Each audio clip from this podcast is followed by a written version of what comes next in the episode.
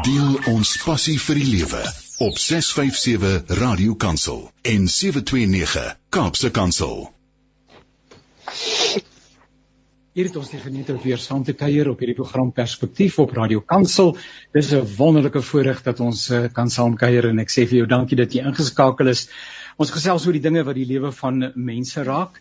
Christen is gewone mense, nee, hulle loop met hulle voete op die grond en die realiteite waarmee ons elke dag gekonfronteer word, uh en ander mense gekonfronteer word, is eweneens ook deel van ons uh omstandighede. En ons word geroep om hier op aarde iets van die koninkryk van God te kom vergestalt en hoe dan anders dat ons sal kennis neem van dit wat rondom ons gebeur en hoe dit ons 'n bydrae kan lewer om dinge dalk ietwat beter te maak. So baie baie dankie dat jy ingeskakel is. My naam is Janie Pelser. Ek het drie wonderlike gaste. Ek kan nie wag om saam met hulle te kuier nie.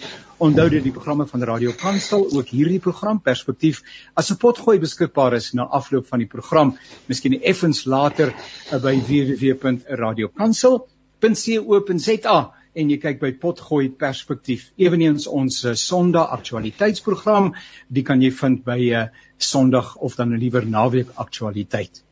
Nietemin, ons maak sommer korte nette van hierdie inleiding en ek stel aan julle voor ons drie gaste en baie baie baie dankie by voorbaat dat julle die tyd ingeruim het om saam te kuier. Ons begin by professor Johan Willemse en hy's 'n landbouekonoom by Agrimark Konsultante. En ek dink nie ons het al voorheen saamgekry in die professor Johan. Uh, daarom baie baie dankie vir die geleentheid en dat jy die tyd ingeruim het. Ons sê goeiemôre aan almal en Janie en Dawie hier in die Oos-Vrystaat reën dit baie lekker en daar gaan die mielie sukkel om te groei. ja, dit is of te veel want ek sien vanoggend iewers net 'n opskrif wat sê die boere in die Vrystaat is bekommerd oor die baie reën. Nou weet ek ook nie. Ek het langs 'n ou dame gewoon en sy het gesê die liewe Here weet ook nie wat hy moet doen nie, want vir die een werk dit en vir die ander werk dit nie. Maar ons vertrou dat hy presies gee wat die boere nodig het daar in die Vrystaat. Prof Johan, vertel ons so ietsie van u dag tot dag uh werksaamhede. Nee, ek werk by Janie met 'n uh, groepe boere en werk dan met 'n paar uh, maatskappye wat in die graan en veemarkte betrokke is en 'n groot deel van my werk is maar bietjie te gesels vorentoe hoe lyk die oeste, hoe lyk die pryse, wat is 'n strategie rondom die graanpryse en die veepryse. So dis maar waarmee ek my besig hou en ja, bietjie skryfwerk ook soos die meeste van ons maar so ja, gelukkig en ja, die weer is baie belangrik vir ons en in die landbou en die ekonomie natuurlik nog belangriker want as mense nie geld het nie kan hulle nie styks koop nie en dan kring die ding deur. En ons sien byvoorbeeld dat mieliemeelverkope is besig om te stagneer en broodverkope is besig om te daal. En dis vir ons as boere baie belangrik om om wat ons leef in die ekonomie die verbruikers is is, is ons um, kopers van ons produkte. En as hulle nie geld het nie het ons 'n probleem Baie baie dankie en uh, Dani, ehm um, ekskuus tog, ehm um, Dawie, Dawie Rood, ek het gesien Sondag net weer 'n opskrif iewers dat slap chips is ook nou duurder. So ek weet nie of dit vir jou raak nie. Die boere uh, met die oliepryse en die brandstof, die diesel en al die goederes en so aan. Nietemin, Dawie, baie dankie dat jy weer in die tyd inruim en uh, Dawie is natuurlik by die Efficient groep. Uh gaan dit goed met jou en uh, waarmee is jy vandag dag besig behalwe om uit te saai? Baie dankie vir die uitnodiging. Dit is baie lekker om weer 'n keer saam met julle te kuier en ek dink dit is die eerste keer dat ek en professor Willems saam op 'n platform is. Wat vir my natuurlik 'n baie groot eer is, maar so iets wat ons sien, nie kan ek sommer dadelik byvoeg. Uh ek en Jannie, maar ek en Jannie het daarom al kere wat saam gekuier is. Ek kom saam jou te wees. Jannie. Ja, ehm um, nee, dit gaan heel goed hier so by die Fusion groep. Die Fusion groep is hierdie jaar 20 jaar oud en ons beplan ons binne 2 weke of so 'n baie groot ehm um, funksie te hou waar ons nou natuurlik hierdie groot mylpaal ehm um, gaan vier en die afgelope 20 jaar was werklik baie goed gewees vir ons. Maar dit is so as 'n ekonom dan dink ek uh, raak mense nogal bewus van wat wêreldwyd aan die gang is en raak bewus van die swaarheid wat die mense ervaar. En ek kan vir jou sê my dag tot dag werk gaan maar daaroor om te probeer vasstel wat aangaan in die wêreld van die finansiële markte en dan probeer ek natuurlik met mense te gesels wat baie slimmer is as ek en op hierdie paneel is daar heelwat van hulle. So ja, baie dankie vir die uitnodiging. Ja, baie baie baie welkom en uh, baie geluk ook met daardie besondere mylpaal 20 jaar uh in die bedryf. En dan professor Jannie Rousseau, een van mense wonderlike voorreg om saam te kuier. Prof Jannie, ek het jare gelede het ek uh, een program saam met u gedoen. Uh maar dit is baie baie lank gelede. Uh, so vir alle praktiese eindes kan ek u maar verwelkom as uh, as 'n nuwe uh, uh meningsvormer hier by Radio Kansel. Ons sien vir die gereeld uh, ook op die TV en op ander plekke. Dankie dat u die tyd inruim. U is betrokke aan uh, die Witwatersrandse Universiteit as ek dit reg het. Vertel vir ons ietsie van u dag tot dag uh werksamehede.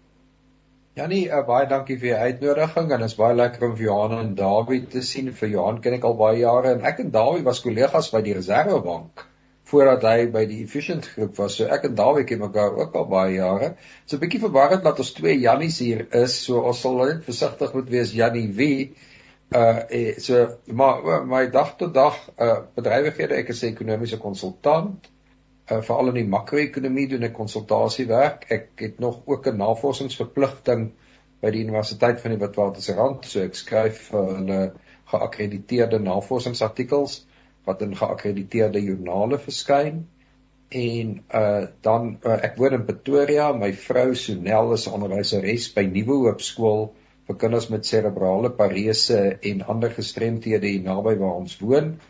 Trouens Dawie se kantoor is net mooi twee blokke van my huis af. So, o ja. Ja, so Dawie, miskien moet ek na die tyd gou by jou kom tee drink. ja. uh, en dan uh, ek en Senel het twee kinders, Malerwe is 'n drone pilot en Karina is 'n audit clerk en Karina is getroud met Aaron Heyman. Hy is 'n ondersoekende joernalis by Times Media en by die Sunday Times. Nou ja, uh, Prof Janie baie baie dankie. Kan ek vir u vra om bietjie nader aan 'n mikrofoon te skuif? U is relatief sag in vergelyking met my twee kollegas. Miskien kan u net ek, weer ek, ek, ek ek ek is maar beskeie ouetjie hoor. ek kan nog so 'n bietjie energie insit uh, dat die uh, ons dan net pariteit is in die verskillende uh, stemme en die volume het. Nietemin, aanleiding tot hierdie program is dan 'n artikel of 'n bydra wat professor Johan Willemse geskryf het wat in die onlangse verlede by Netwerk 24 verskyn het onder die opskrif uh, iets van hierdie aard eh, 'n uh, navorsing of nadenke oor presies hoe diep die Suid-Afrikaanse ekonomie in die moeilikheid is. Miskien lê die aksent 'n bietjie anders, maar dis min of meer hoe ek dit verstaan het. Uh hoe diep is die Suid-Afrikaanse ekonomie in die moeilikheid? En uh, ek is altyd lief daarom te vra uh as hy so sit en jy besluit ek moet die pen opneem en hieroor moet ek my gedagtes laat vloei. Uh Prof Johan, wat het in jou hart gebeur wie gesê het maar ek moet hierdie ding van my hart af kry? Nee, weet jy ja nee, ek soos ek sê ons werk in die praktyk al drie van ons en uh Tawie ook en ek werk met baie landboubesighede. En ons kom agter 'n trek swaar. Ek ek woon in Clarence in die Oos-Vrystaat. Ons dorp begin swaar trek want dis brandstofpryse wat mense se sakke platter maak, rentekoerse ons sien van die voedselverkope begin swaar kry en jy wat kleiner besighede begin toemaak.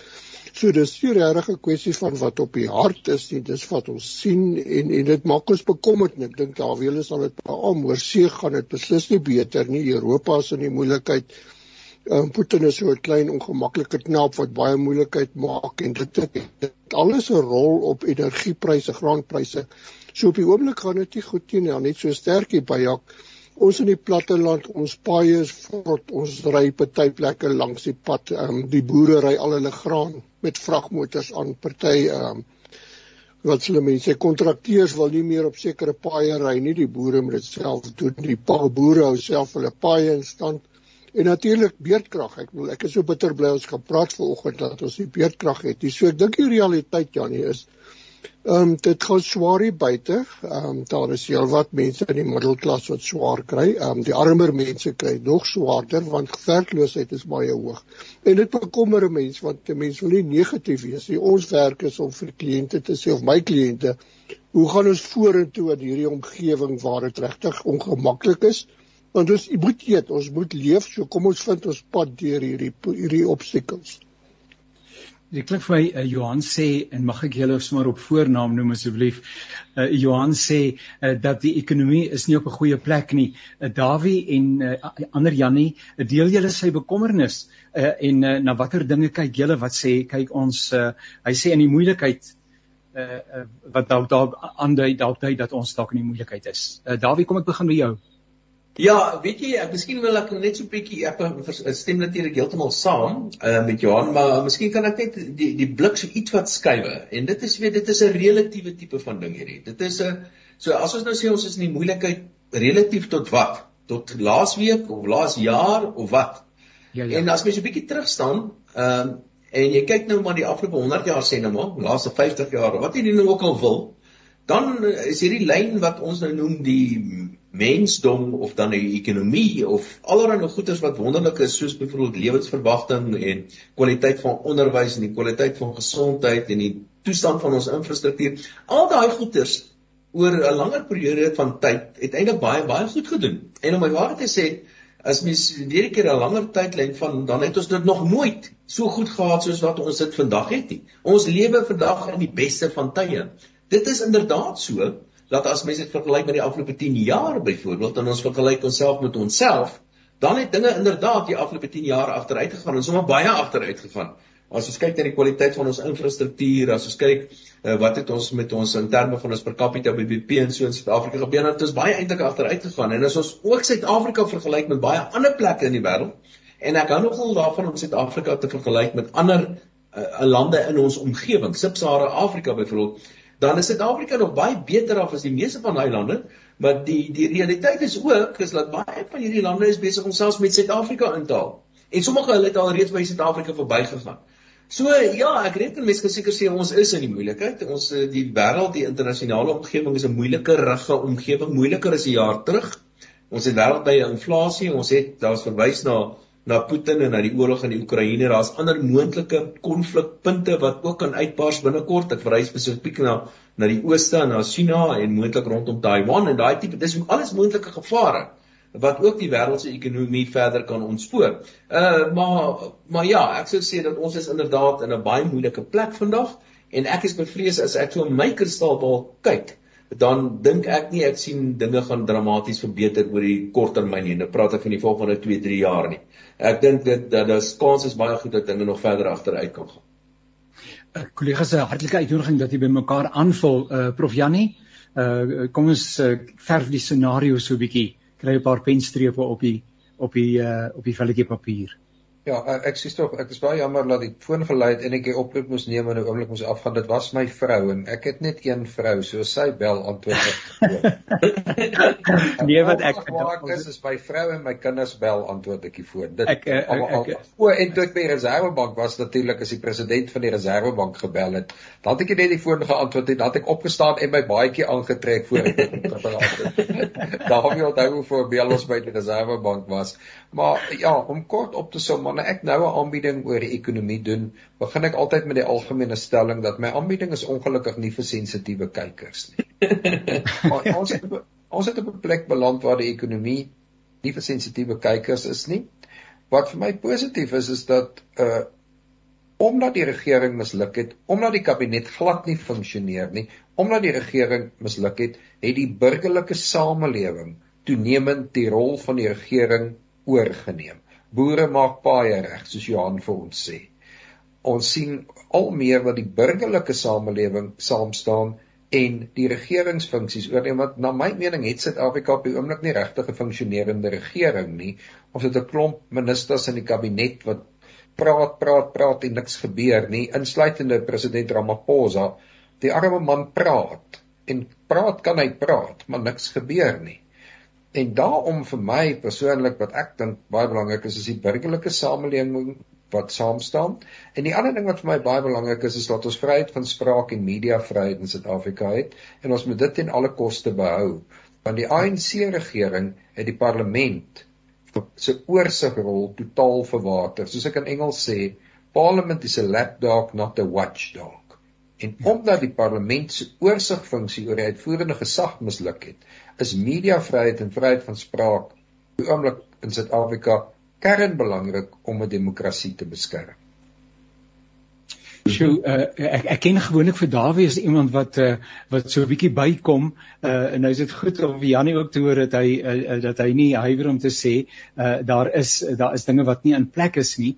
Ehm um, ek uh, Johan in terme van en en Dawie en Jannie in terme van die internasionale wêreld ehm um, moet kan 'n mensie maar net sê wel weet jy dit gaan oor die hele wêreld gaan dit klaar blyklik nie goed nie of is daar plekke waar dit beter gaan ehm um, en wat kan ons daar leer en uh, daarom moet ons ons nie kwel hieroor nie uh, uh wanneer die die wanneer van die wêreldsekonomie weer optel dan sal dit ook met ons beter gaan Ja, miskien kan ek 'n paar vinnig ja, ek toe graag Okay.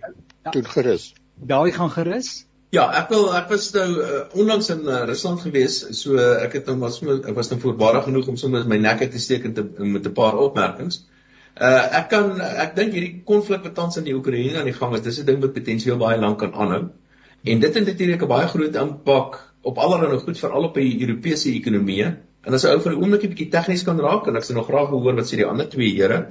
Maar dan ek dink die Europese ekonomie is op pad na 'n resessie toe, na 'n redelike diep resessie wat vir lank gaan aanhou. Ekonomieë soos die Engelse ekonomie is al klaar in 'n in 'n in 'n kontraksiefasie waar hulle eintlik al klaar in 'n resessie is. Die Amerikaanse ekonomie doen besonder goed, verbasend goed. Maar ek dink nie dit gaan hou ook nie en ek dink ons kan praat van 'n resessie waarskynlik volgende jaar in Amerika ook. Ehm um, dan ander lande soos byvoorbeeld 'n ander groot ekonomie, ek raak maar net aan die groot plekke in die wêreld, 'n ja. ander groot ekonomie is die Chinese ekonomie. Hulle gaan nou miskien nou nie in 'n resessie ingaan nie, maar ek meen as mens praat van 2-3% groei in China, dan is dit so naby genoeg as as amper aan 'n resessie want die Chinese ekonomie het verskriklik gegroei die afgelope tyd. Ehm um, en dan vir die wêreld in totaal is daar sonder twyfel baie swakker en stadiger ekonomiese groei wat op die oomblik aan die gang is. So die wêreldekonomie is op is op 'n baie moeilike plek en dit word veral gekenmerk deur 'n klompie dinge en een daarvan is baie hoë vlakke van inflasie en dit het 'n direkte impak op Suid-Afrika ook. Want baie hoë vlakke van inflasie beteken sentrale banke verhoog rentekoerse, so ons is in 'n omgewing van rentekoers strammer monetêre beleid internasionaal. Die finansiële markte hou natuurlik nie daarvan nie en die ekonomie hou ook nie daarvan nie. En dit het 'n impak op Suid-Afrika se ekonomie ook. En omdat ons 'n deel is van die wêreld, moet ons ook maar rentekoerse verhoog en Uh, dit beteken ook dat ander goede soos hoë inflasie het 'n impak op ons ekonomie en dit lei dan nou tot swakker ekonomiese groei in Suid-Afrika. En ons wag nou vir die derde kwartaal se syfers, maar ek dink die kans is baie goed dat ons in 'n sogenaamde tegniese resessie in Suid-Afrika alreeds is. So die so dit is so dat die die die die wêreldekonomie en die wat in die wêreld aan die gang is, is nie 'n baie vriendelike plek op hierdie stadium nie en dit het natuurlik ook 'n groot impak op klein oop ekonomieë soos wat Suid-Afrika is. Johan Ek wil graag aansluit by twee goed een by by Jannie wat sê ons regering wat ek natuurlik weer volmondig saamstem en Dawie wat verwys na ons buurlande.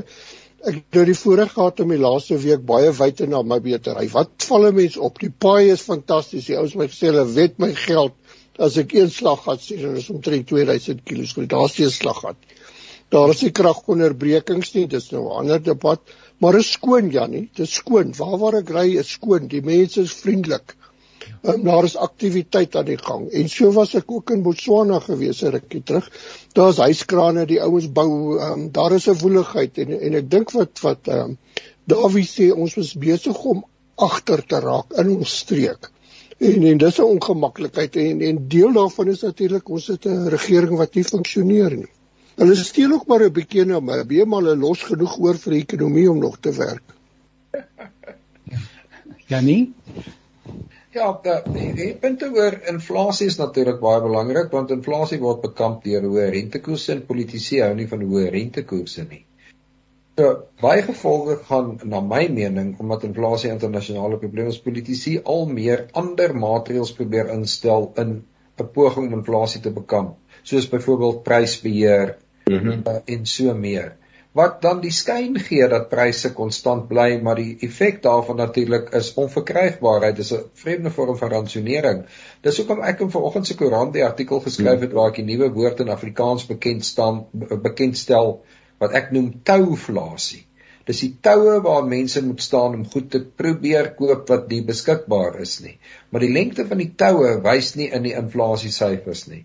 En dit is vir my baie kommerwekkend dat ek al meer politici hoor praat van direkte ingryping soos prysbeheer, ransonering en so meer. daarmee kil hulle natuurlik hulle self en hulle probeer om verbruikers te kil. So dit gaan nie die probleem oplos nie, ons gaan hom net op 'n ander manier sien. Ek het ook 'n Engels vir my woord touflasie uitgedink, dis queuflation. kan ek daarbey byvoeg Jannie? Asseblief. Uh en en dit is Annie Jannie het nou 'n baie belangrike punt gemaak en dit is die oomblik as jy begin karring aan pryse dan het jy 'n impak op op op uh, op vraag of op aanbod. Maak hang natuurlik ja. af waar jy die pryse nou staan. En wat hy nou voorstel wat hy nou sê noem is heeltemal waar as jy pryse kunsmatig laag probeer hou dan is dan is dit goed goedkoop, jy kan dit net nie kry nie. en dit laat mense nogal dink aan 'n sosialistiese tipe van stelsel. En Jan het ook 'n opmerking gemaak en gesê dat ons beveg hoë inflasie met hoë rentekoerse en in Suid-Afrika is dit heeltemal korrek. Maar ons moenie vir 'n enkel oomblik dink dat hoë rentekoerse is die enigste ding wat ons kan gebruik om inflasie te beveg nie. Daar's klomp ander dinge wat ons ook kan doen om inflasie laer te kry. En die belangrikste ding wat ons kan en behoort te doen is dat ons met 'n meer kompeterende omgewing daarstel. 'n Meer kompeterende omgewing beteken waar Eskom byvoorbeeld moet kompeteer uh, met die private sektor byvoorbeeld of die poskantoor moet behoorlik kan kompeteer of die staatsamptenare selfs wat hierdie belaglike salarisverhogings eis moet meer kan kompeteer dan gaan inflasie op alreeds laer wees en dan gaan ons nie so baie op die reservebank moet steun om inflasie in toom te hou nie. So ek dis 'n belangrike punt. Ons moet nie altyd die vingers net dit is eintlik die laaste uitweg en dit is om rentekoerse te verhoog want die ander goeders is polities moeilik om te doen. En ons kry dit nie reg om dinge te doen nie. Maar ek het nou nogal 'n voorstel Ja nee, en ek wil dan gaan ek nou stil bly, want ek wil graag hoor wat sê my geleerde kollegas oor my voorstel. Ons het 'n regering wat totaal en al wel nie totaal en al nie, maar in 'n in baie hoë mate net eenvoudig die Engelse woord sê soveel makliker incompetent is. Hulle sê dit eenvoudig onvermoond om goeders te doen en in sommige gevalle is hulle korrup en in baie gevalle steel hulle. Dit is heeltemal waar. Um en mense besef dit en mense weet dit en daar's 'n klomp indekse wat daarop dui dat ons nie vertroue het in Suid-Afrika nie. Ons het nie vertroue in ons polisie nie. Ons het nie vertroue in die regering nie. Ons het nie te vertrou in ons toekoms nie. Daar mense in Suid-Afrika het nie vertroue nie. So wat is daar wat ons kan doen? Wat is daar wat die regering kan doen om soort van vertroue op 'n manier terug te kry in die land. En hier is 'n voorstel wat ek het in hierdie kerk se graag wil hoor wat sê my geleerde kollegas daaroor. Hulle moet 'n ding aanpak wat relatief maklik is. Hulle moet 'n ding aanpak wat die kans op sukses relatief goed is en hulle moet 'n ding aanpak wat algemeen aanvaar gaan word. Dit is 'n ding wat mense mee gaan saamstem. En en Johan het 'n baie belangrike opmerking gemaak en ek dink hier's twee dinge wat ek aan kan dink. Een ding is wat jy moet doen, maak nie die land skoon Begin net met 'n projek net om die land skoon te maak. Tel die papiere op en staan op 'n podium en sê ons die plek is vieslik, ons moet die plek skoon maak. Maak dit net skoon. Almal gaan inkoop daarin en ons gaan dit kan sien en dit gaan 'n sukses wees. Nog 'n voorstel, klein treetjies. Moenie moenie gaan met 'n reuse nuwe projek of 'n kernkragstasie of of ander ding wat jy in elk geval nie kan doen nie. Die nog 'n voorstel is kry net die verkeer reg kry die speedkops om hulle werke te doen en hulle sorg dat mense die verkeer reëls nakom. En daar's net twee eenvoudige voorbeeldjies wat jy die ondersteuning van almal gaan kry. Dis nie so moeilik om dit te doen nie. En as jy dit reg kry, gaan jy 'n klein treukie in die rigting van sukses hê. En in in dis wat ons nodig het. Ons het net iets nodig wat werk. Net ietsie nodig om ons 'n bietjie meer vertroue in hierdie te hê. Ja, ek wil daarom nou praat gereg. Ek stem 100% saam met jou twee idees. Uh ek sou natuurlik voor ek die verkeer nog probeer uitsorteer, net gesê maak die slaggate reg, die punt wat Johan gemaak het ja. in die paaie in Namibië en in in in Botswana. Maak die slaggate reg, maak die land skoon. Asseblief, ek hoor meneer Ramaphosa droom van 'n uh, 'n uh, sogenaamde slim stad. Nou ek het dit op goeie gesag, maar ek is nie 'n ingenieur nie, maar ek het dit op goeie gesag dat daai ding elektrisiteit nodig het om te werk. Want julle ander mag miskien ander inligting hê. Maar so asseblief, kom ons maak liewer net die land skoon en maak die slaggate heel. Ek sies tog Johan, ek het jou rede gevolg. Nee, nee, ek wil graag by Dawie aansluit. Ek is nou in 'n klein plattelandse dorpie. Ons het een stopstraat en almal almal ignoreer hom so. Dawie. Maar jy weet, ek dink dit maak dit vir ons in die platteland 'n sekere sin makliker wat ons is 'n klein gemeenskap. Ons begin ons eie polisieering doen. Ons begin goed van die stadsraad doen want dis afgetrede ingenieurs, maar in die groot stede is dit nie. En ek dink dit is regtig baie belangrik. Kom ons begin soos Dawie sê, by die klein goedjies, maak skoon. Maak die klein goed reg. Verf deur die ellendige stopstraat tekens, jy weet. Dit gaan hoop gee. Uh, absoluut stem 100% saam. En die ander ding is ook produktiwiteit genigtig die van julle Janie as jy nou praat van 'n inflasie tou dan met jy 'n staatsdiens tou sien is van ons werkers Bethlehem toe gaan en vat hulle stoel saam by binnelandse sake en dan gaan hulle môre weer. Ehm um, dis skrikwekkend. Ons goed funksioneer nie en dit neem tyd weg waar ons kon produseer en produktief gewees het. So is dit goed dat die burgerlike samelewing die rol want eintlik wat gebeur is plaaslike owerhede want dis die plek waar uh, slaggate reggemaak moet word en uh, soos jy gesê het stopstrate aangebring moet word of weer geverf moet word en dis meer. Ehm um, dis oneffektief dit gebeur nie daar nie. Uh waar daar tog wel uh een of ander vorm, vorm van bestuur is is die ouens almekaar aan die beklei. Vandag is iemand gemeester môre is hy af. Mosie van wantroue dan is weer gestooi om die volgende persoon aan bewind te kry. Ek bedoel die ouens se prioriteit is hoegenaamd nie dienslewering en om die saak waarvoor hulle daar gestel is uh, uh wel te diens nie. So is dit goed dat die burgerlike samelewing dan nou sê maar dan sal ons dit maar self doen of is ons eintlik besig om die probleem net groter en groter te maak? Moet ons dan nou maar saam ondergaan? Nee, ek dink daar's Ons is besig om die probleem op te los deur die burgerlike samelewing, maar die stadsrade egter nog moet besluit, uh, uh, besef, dit is tot hulle voordeel om met die burgerlike samelewing saam te werk en dit gaan hulle dit gaan hulle hulle rak leeftyd in munisipale posisies verleng. Op die stadium probeer die stadsraad wel kan nog die burgerlike samelewing beveg en vir die burgerlike samelewing so moeilik as moontlik maak en ons moet daai denke by stadsrade omdraai. Ja, ek praat sommer van privatized by default julle twee ander manne, want dis nou wat gebeur. Ons kan sê ons betaal belasting, maar nou sê ek vir die ouens in ons dorp, panne vroue, kom ons maak die plek skoon want ons eienoomswaarde hang daarvan af. Ons moet dit doen so in 'n sekere sin. Ja, ons betaal belasting, maar ons begin dit klop goed oorneem en ek stem saam met Dawie. Dis dis 'n um, dis my wonderlik en ons moet op die goed fokus en dit aan die groot klok hang. Nou daar's daar's so klein dun sil silwer randjie daarom ja. met 'n staat wat besig is om 'n duie te stort. Nou gryp ek na grashalms Ja. Maar daar's hom so 'n bietjie van 'n dun silwer randjie en dit is net die privaat sektor doen baie van die goederes wat hy vir onderstaat en Johan het nou net genoem eintlik 'n privatisering by default en dis presies wat besig is om te gebeur. Baie van hierdie staatsfunksies word net eenvoudig oorgeneem deur die privaat sektor want anders te kry jy dit nie. Uh en daar was 'n horde voorbeelde daarvan. Ek dink wat tans besig om te gebeur, Eskom is in die proses om geprivatiseer te word. Die poskantoor is in die proses om geprivatiseer te word en 'n top ander voorbeeld. Maar natuurlik dit is so. Hoekom moet 'n mens nou hierdie vreeslike belasting betaal? Hoekom is te veel belasting betaal en dan moet jy nou nog die werk gaan doen van die ouens wat veronderstel is moet doen? Ek ek dink nou maar so ja, asseblief Jannie. Ek wil net een ontstelling ding waar hy voeg uh dit lyk op die oomblik of daar 'n kans is dat meneer Ramaphosa weer president van die ANC gaan word in Desember maar ons moet niks anders in terme van sy gedrag verwag as wat ons oor die afgelope 5 jaar gesien het nie. Want hy gaan in 'n uiters kwesbare posisie bly. So hy gaan regtig vir nog 5 jaar niks doen nie.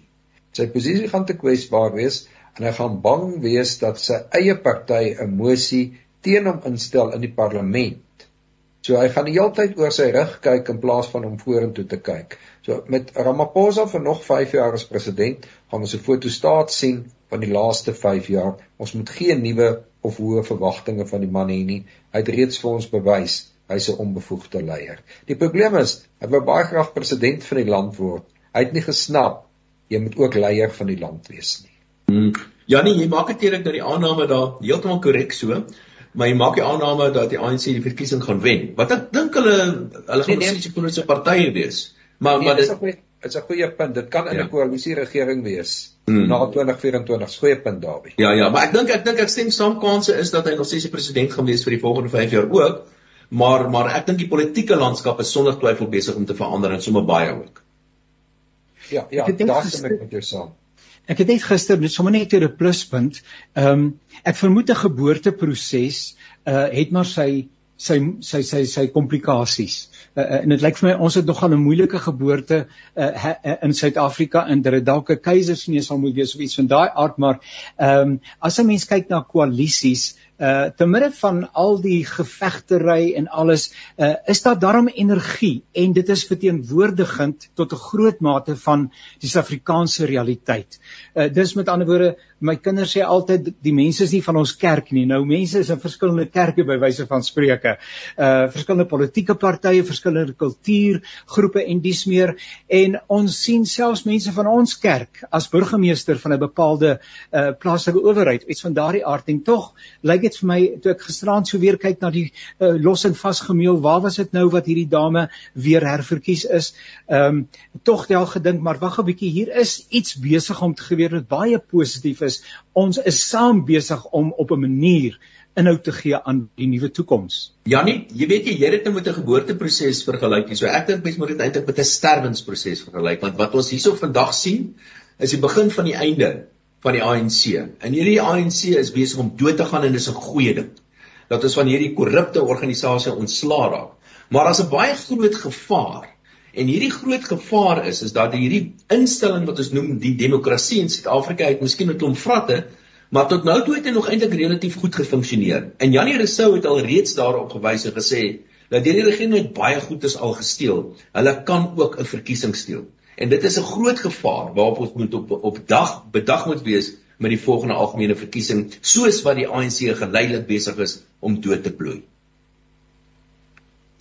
Kollegas, so kom ons praat dan ook na die ander kant toe en David in die begin dit begin raak. Ehm um, terwyl ook van ons luisteraars, uh, wat is positief aan ons konteks? Uh, uh miskien kan ek begin by Johan wat sê maar daar lyk vir my daar is 'n 'n wil by die burgerlike samelewing om hulle rol te speel, 'n verskil te maak en om nie Suid-Afrika eenvoudig net uh te gronde te laat gaan nie. Absoluut. Kom ek gebruik 'n voorbeeld. Ons moet ook onthou hier in ons tienergemeenskap, ons het almal dieselfde behoefte, wie wit, geel, groen, pink, maak nie saak nie. Ons wil baie hê wat werkkrag hê, ons wil hospitale en skole hê.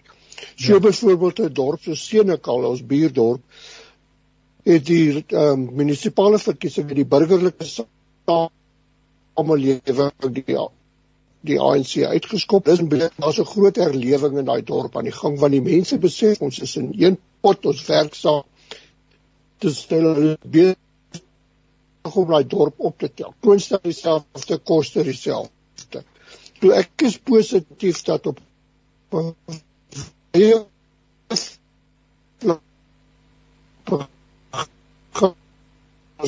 burger saam is Ja, daai verbinding, ekskuus, ehm um, 'n kollega, daai verbinding is 'n bietjie onstabiel. Ehm um, uh rit maar daar in 'n draadjie of ek weet nie, kom ons uh, sê stil gewet op uh, dat ons net weer vir uh ons kollega Johan uh, lekker uh, op die lyn kry. Ek sien dat sy beeld ook nou heeltemal tot stilstand gekom het. So daar is 'n bietjie van 'n verbindingsprobleem. Ons vertrou hy is nou terug. Uh, kom ons sluit by hom aan, uh, Dawie en uh, Prof Jannie uh, rondom uh, die goeders wat 'n ou darm aan kan vashou. Al sê Dawie net nou hy sê 'n grashalmpie, maar maar kom ons gryp die gryp die grashalmpies van onder die grond kan daar 'n klompie wortels wees. Ja, as ek iets miskien kan uitsonder, Ehm um, en dit is so, ek meen Janie het verwys na die die die uh die, die pers wat nog onafhanklik is. Ek meen kyk jy vreeslik so goed wat ons sê van ons regering. Uh dis reg so en dit hoort so en eintlik speel ons eintlik in 'n groot mate die oorsigrol wat die parlement veronderstel is om te speel. Julle Janie weet die pers. Ja. Maar daar's nog 'n instelling wat baie goed funksioneer in Suid-Afrika en dis die Suid-Afrikaanse Reservebank. Ek dink ek en jou net so 'n bietjie is so 'n bietjie wat sê Engels woord bias hierso want ons kom uh vanaf die reservebank en ons het 'n loyaliteit in die reservebank en ek het sekerlik my tande gesny in die reservebank wat die ekonomie aanbetref. Maar uh maar die Suid-Afrikaanse reservebank is werklik in goeie hande. Die optrede van van Lesetja Kanyago in die in monetêre beleid in Suid-Afrika en die goed wat hy doen en hy sekerlik onafhanklik van die politici ten spyte van baie druk, minder so vandag as in die verlede.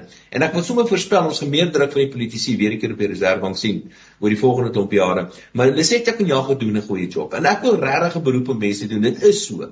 Hoë rentekoerse is baie pynlik. Dis nie lekker nie, maar dit is baie beter om hoë rentekoerse te hê vir 'n kort rukkie as baie hoë inflasie vir 'n lang ruk.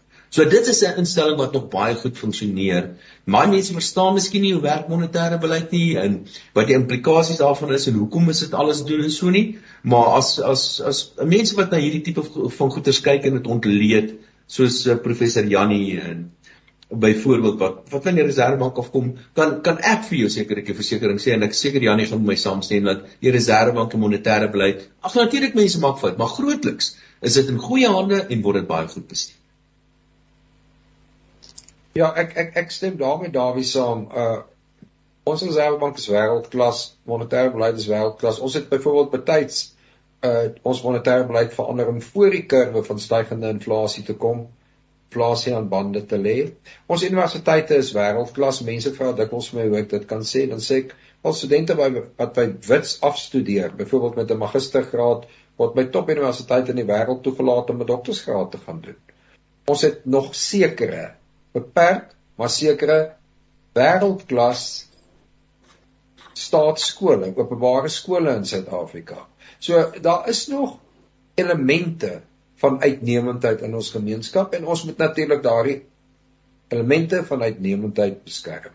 Wat my persoonlik egter bekommer en ek moet dit op hierdie program sê, is ek soek na die stem van die kerk. Ek soek na die stem van die geloofsgemeenskap. Ek sê nie die kerk moet kolle quote wees nie.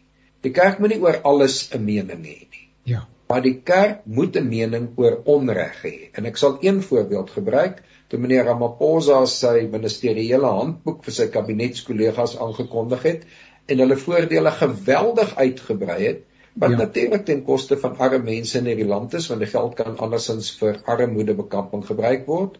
Ja. Dit was 'n reuse onreg en die ja. geloofsgemeenskap was doodstil.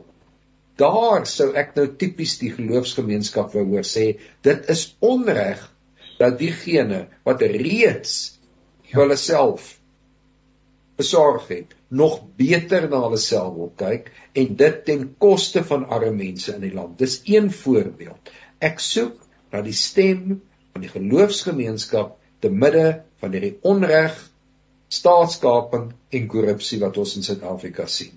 Ek kan dit nie oplos nie, Jannie. Wat is jou mening daaroor, Jannie? nou ja, ek is maar 'n klein uh uh grondwindjie in die pakkie, maar daar is daar is die kommer dat die kerk dalk soms nie so profeties uh, betrokke is as wat hy moet wees nie. Ehm um, en die kerk het seker sy eie problematiek, maar kan ek vir u vra uh net om weer terug te kom by ons tema en dankie uh, Prof Jannie, dis verskriklik belangrik dat u en mense soos u met die geloofsgemeenskap praat. Ehm um, daai daai stem is verskriklik belangrik. Ehm um, maar ek wil nou vir my my vrou het nou gesê as jy nou met hierdie slim mense praat, dan moet jy tog nou vir hulle vra en ek weet daar's menige persoon wat met hierdie vraag eh, en twee vrae eintlik in hulle harte sukkel. Mag ek dan nou twee meer algemene vrae vra? Die eerste een is wanneer my vrou terugkom van inkopies af. Nou ek is glad nie gerad om inkopies te gaan doen nie. Dit is my niks lekker nie. Maar as sy terugkom is die eerste woord wat sy sê is die goed het so duur geword. En dan vertel sy vir my hoe dat van een inkopie uh binne 'n week byvoorbeeld na 'n volgende week nou ons is koffie junkies uh, en ons drink behoorlike en goeie koffie. Ek sal nou net nie sê waar ons dit koop nie, maar dat dieselfde item en jy kan nou min of meer daarom nou prys wat kos 'n 250 gram koffie dat dit sommer met 10 of 12 rand binne 'n week se tyd uh eskaleer. Nou vroeër het julle ook net verwys na uh, dat daar moet gesonde kompetisie wees en die regering moenie pryse vasstel of probeer om in te meng in daai proses nie. Maar is iemand besig om die verbruikers vir 'n ry te vat? Want hoe kan dit hoegenaamd gebeur? Gister byvoorbeeld het sy 'n item gaan koop. Ons het nou lank gepraat en gesê maar ons moet die kussentjies wat nou op ons stoele is gedaan. En uh, soos dit nou maar met vroutjie is sy gaan kyk eers rond en sy sê vir my maar ek het die kussentjies gekry Toe sy nou gister die kussentjies gaan koop, toe is die items R30 per kussentjie duurder. En die ou prys wat binne 'n week is toegeplak met die nuwe geeskaleerde prys. Nou iewers is iemand besig om die verbruikers aan die neus rond te lei of verstaan ons nie die proses nie. Prof Janie Johannes op asseblief. Ja kyk, uh, Janie ek is mos nou teen inflasie. Ek het die uitdrukking ontwikkel inflation is ungood. Maar uh, dit daar gelaat die verskaffer van daai kussentjies, die kleinhandelaar waar jou vrou dit gekoop het, het waarskynlik besef dat die nuwe voorraad wat ingevoer word, weens 'n wisselkoerseffek en 'n oorseese inflasie, duurder is as die prys waarteen die kussings wat tans in voorraad is verkoop gaan word. So om die voorraad te verkoop en nuwe voorraad in te voer, gaan daar 'n verlies op die transaksie wees. Nommer 2 sê dit vir mevrou Pelser, sy is nou nie al wat twyfel het oor die inflasiekoers nie, my eie vrou Sonel het twyfel daaroor. Want gister in 'n gesprek hier met die vorige uh statistiek generaal uh Pali Lahortla, wat ek nogal baie hou, Toe ek vir Paulie sê my vrou glo nie die inflasiekoers nie, toe sê hy wel hy het presies dieselfde probleem by sy huis. Sy vrou glo ook nie die inflasiekoers. maar uh, ek al wat ek uh, vir mevrou Pelser kan aanbeveel is om te gaan kyk op Statistiek Suid-Afrika se webbladsy. Is 'n persoonlike inflasie rekenaar, 'n personal, hulle noem dit die Stats South Africa Personal Inflation Calculator waar 'n huishouding hulle eie besteding kan insit en hulle eie inflasiekoers uitwerk. En ja. dit dan vergelyk met die amptelike inflasiekoers. En dit hang natuurlik af van jou eie bestedingspatroon. Ai Dawie, ek het nou gedink ons gaan die mense laat wegkom, maar dit lyk nie of my Jannie sê nee, dit is heeltemal verstaanbaar. Ja, kom maar kom maar dit is 'n probleem met die ekonomie. Nou ek kan vir jou nou die versekering gee dat die inflasiekoers wat deur Statistiek Suid-Afrika bekend gemaak word verkeerd is. Daar's geen twyfel dat dit verkeerd is nie. Maar onthou, die heel meeste ekonomiese statistieke is nie harde syfers nie, dit is maar net ramings van goederes. Selfs die grootte van die ekonomie is maar net 'n raming. Ons eh, ekonome stem nie saam wat alles moet deel wees van die ding wat ons noem die ekonomie nie. Daar's 'n paar syfers wat sogenaamde harde syfers is, wat ons weet werklik waar waar is, Goeie soos byvoorbeeld ons weet wat die wisselkoers is, want ons kan sien waarteen verhandel die rand. Ons weet wat rentekoerse is byvoorbeeld, maar ons het net 'n idee van wat inflasie is. So hou in gedagte dat dat daai da, inflasiekoers is 'n raming. Dit, ek dink dit is 'n goeie raming en ek dink dit is nogal redelik naby aan die waarheid waar die waarheid ook al is.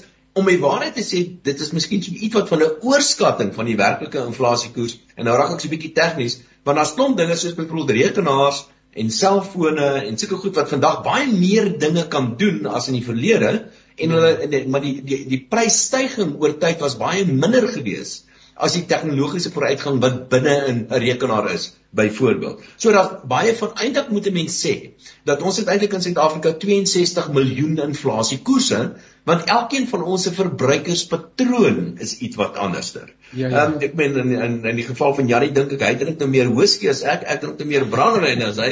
So so dit die, die whisky pryse en die brandewyn pryse gaan nou vir ons anderster. Dan net nog ja. nog 'n belangrike punt wat ek moet maak en dit is En ons het al reeds daarna verwys. Pryse in 'n ekonomie speel 'n verskriklike verskriklike belangrike rol. En daar is niks meer verkeerd met pryse wat styg nie.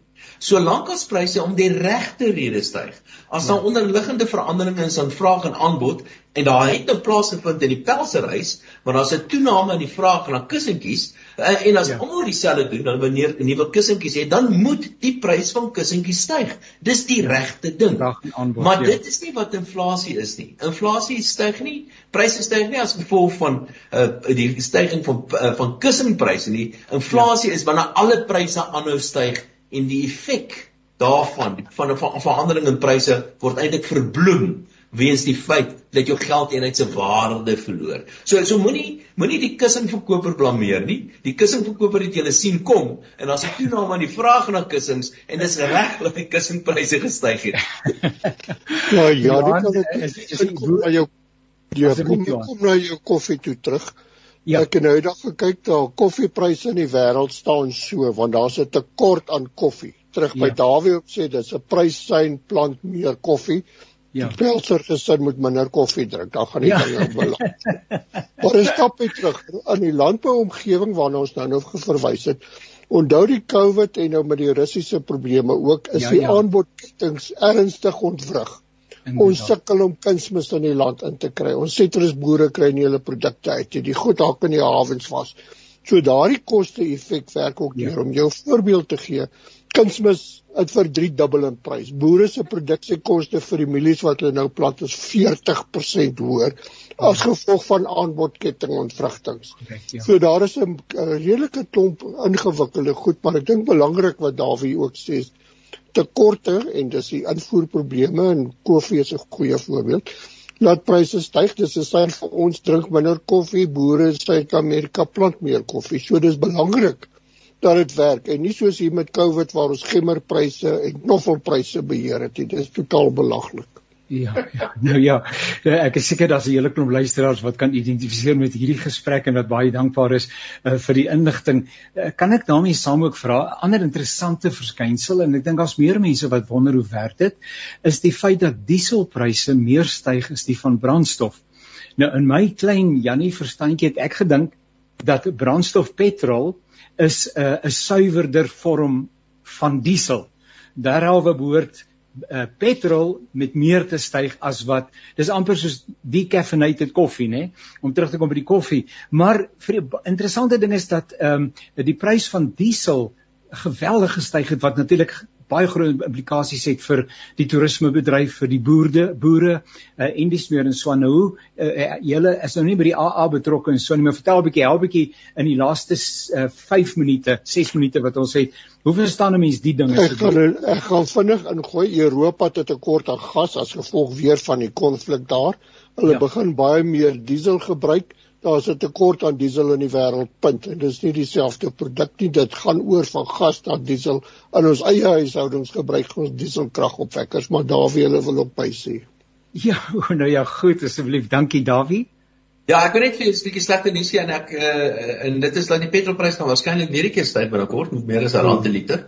Net so te loops So maak jy maar reg daarvoor. Uh met so heelwat meer as 'n rand per liter. Ek weet nie Janie, jy het miskien meer 'n nuwer inligting, maar ek wil by jou hoor, want jy praat net van decaffeinated koffie en ek hoor julle is 'n groot koffiekonnisseurs en ek kan nou nie glo mense drink decaffeinated koffie nie. Wat staan die punt om koffie te drink? Dit is so 'n bietjie om jou sussie te soen nie waar nie? ja, nee, ek het sommer die decaffeinated ek sommer as 'n voorbeeld genoem om nou die verhouding tussen petrol en wys nou maar net net inligting is so belangrik petrol en diesel. Uh maar Jannie, uh ietsie oor die dieselpryse wat so soos weer 'n kwessie van vraag en aanbod, nê? Nee, uh oor oor dieselpryse wat so geweldig styg vraag en aanbod en 'n baie groter internasionale vraag na diesel. Ja, die vraag na diesel internasionaal het verander. En op die stadium voer Suid-Afrika baie van ons petrol en diesel in want ons plaaslike raffinaderye, raffinaderye werk nie vir, vir verskeie redes, maar uh, ons ons is van invoer afhanklik en die internasionale prysvlakke het verander. Ja. Nou nou ons het 4 uh, minute oor of so uh, en ek gaan nou vra dat want ons luisteraars is nie ekonome nie. Hulle is nie uh, professore in ekonomie nie uh, en alles al daai wonderlike uh, dinge konsultante en dis meer nie. Hulle is soos ek gewone mense met die voete op die grond wat nie altyd verstaan nie. So ehm um, as ek vir elkeen van julle vra 'n woord aan Jan en Anneman, Jan en Anneman op die grond wat met die daaglikse realiteite van 'n moeilike ekonomiese konteks gekonfronteer word wat niks anders kan as om uh, binne in jou eie huishouding uh, ook uh, implikasies te hê nie. 'n Woord aan ons uh, aan ons gewone mense. Janie jou hand is op. Ek sal begin, ek wil graag polities korrek wees. Ek sal graag met Jan en Susan alleman wil praat. so, uh, ja, gesels met hulle asseblief is ja. my kort boodskap, dit is nie 'n goeie tyd om nuwe skuldverpligtinge aan te gaan nie. Rentekoerse kan nog opgaan om inflasie te bekamp en kan ook langer hoër bly as wat ons nou voorsien. So vir my, sover as moontlik nuwe skuldverpligtinge. Ai en nou lê Kerstyd voor Dawie. En so ou moenie nou skuld koop nie, nê, en hoop jy gaan in die nuwe jaar Wel, nee nee, ek ek dink ook nie, ek dink dis 'n goeie advies. Ek dink miskien kan mense so 'n bietjie uitbrei en dit is wat my verbaas is, hoeveel mense weet nie wat gaan aan in jou finansiële saak nie. Vind ten minste net uit wat gaan aan in jou finansiële saak en probeer natuurlik nou uh daarvolgens ook te beplan. En miskien kan ek ook aan Jan en San die volgende sê en dit is om 'n een of ander rede is daar verskriklik baie mense wat rondloop met hierdie idee en jy het ook net so half gesin speel in daai rigting dat hier's een of ander sameswering teen julle met die kussingpryse. Ehm um, uh, en weet jy daar is nie een of ander geheime organisasie wat die wêreld wil oor wil wat die wêreld besig is om oor te neem of die wêreld bestuur of 'n eliminatie of 'n geldmark of een of ander daar is nie sulke goeters nie. En dan baie mense dink daar's een of ander uh nare aaklige 'n organisasie wat ons agter die skerms ernstig manipuleer en almal behoort daaraan en so. Dis twak daai hoor. Dis daar daar daar bestaan nie so iets. En een van julle is die voorsitter daarvan, né? Hoor ek kan ek net vinnig aankom Janie. Ehm byvoorbeeld die gerief van huishoudings en ek nou versigtig praat van laer inkome mense, maar jy gaan koop nie geskilde pampoen by hierdie wee winkel nie want jy gaan 3 keer meer betaal as 'n ongeskilde pampoen. Ja, ja. En dis die goed waarop waarop ons kan let wat wat groot afwaartse druk op jou eie kostes gaan bring. Jy betaal vir gerief. Onthou ja. dit net. Ja. Ja. Kollegas, ons het baie lekker gesels en ek het lekker geluister en self geleer en uh, ek gaan dat my uh, mevrou Pelser uh, en uh, dit ek vir my mevrou Rousseau moet ook dalk daarna luister uh, na die uh, potgooi luister later uh, en almal wat uh, so bietjie nie glo in die inflasie gog gaan al die ander dinge nie. Uh, baie baie dankie vir julle deelname. Dit was lekker om saam te kuier en uh, gelukkig bly en bly ons manne, man en vrou van geloof. Uh, ons moet uh, met ons voete op die grond lewe. Dit is waar. Maar ek luister hierdie week na 'n prediker en hy sê daar's 'n verskil tussen ehm um, feite en waarheid uh feit is 'n ding wat swart en wit is, maar daar is 'n waarheid dat daar 'n groter hand in alles is. Ek wil ook daaraan vashou uh wat uiteindelik uh dinge bepaal wat met hierdie wêreld op pad is. My prof, prof Johan Heinz, wat 'n merkwaardige man het gesê van die proton na die eskaton, van die begin na die einde. En gelukkig weet hy uh ons uh, ons ons Here weet presies waarheen hy met ons almal op pad is. Maar intussen het ons 'n rol om te speel. So uh prof Johan Willem se baie dankie vir jou deelname Ja, ek wil net sê hier by ons dorpie is die paaie nogal nie te vol gate nie. Dit is baie lekker hierso. En dan sal jy sien ons is vol moed om vorentoe te gaan en ek dink dis die boodskap ons moet positief vorentoe gaan in die burgerlike samelewing. Inderdaad, baie baie dankie. Prof Jannie, baie baie dankie vir u deelname. Dankie vir die uitnodiging Jannie. Dawie uh, in Johan, dit was lekker om julle weer te sien. En ek sê vir my julle het nou 'n koffie afspraak Dawie. Ek hoop jy's gerad daarvoor. Baie baie dankie vir jou deelname. Dis absoluut 'n voorreg. Baie dankie. Dis 'n groot eer om hierdie platform met die met die res van die Here te deel. Seënwense tot 'n volgende keer kollegas baie baie dankie en ook aan uh, Woesie wat vir ons die tegniese versorging behartig het. Baie dankie my broer tot 'n volgende keer. Alles wat mooi is.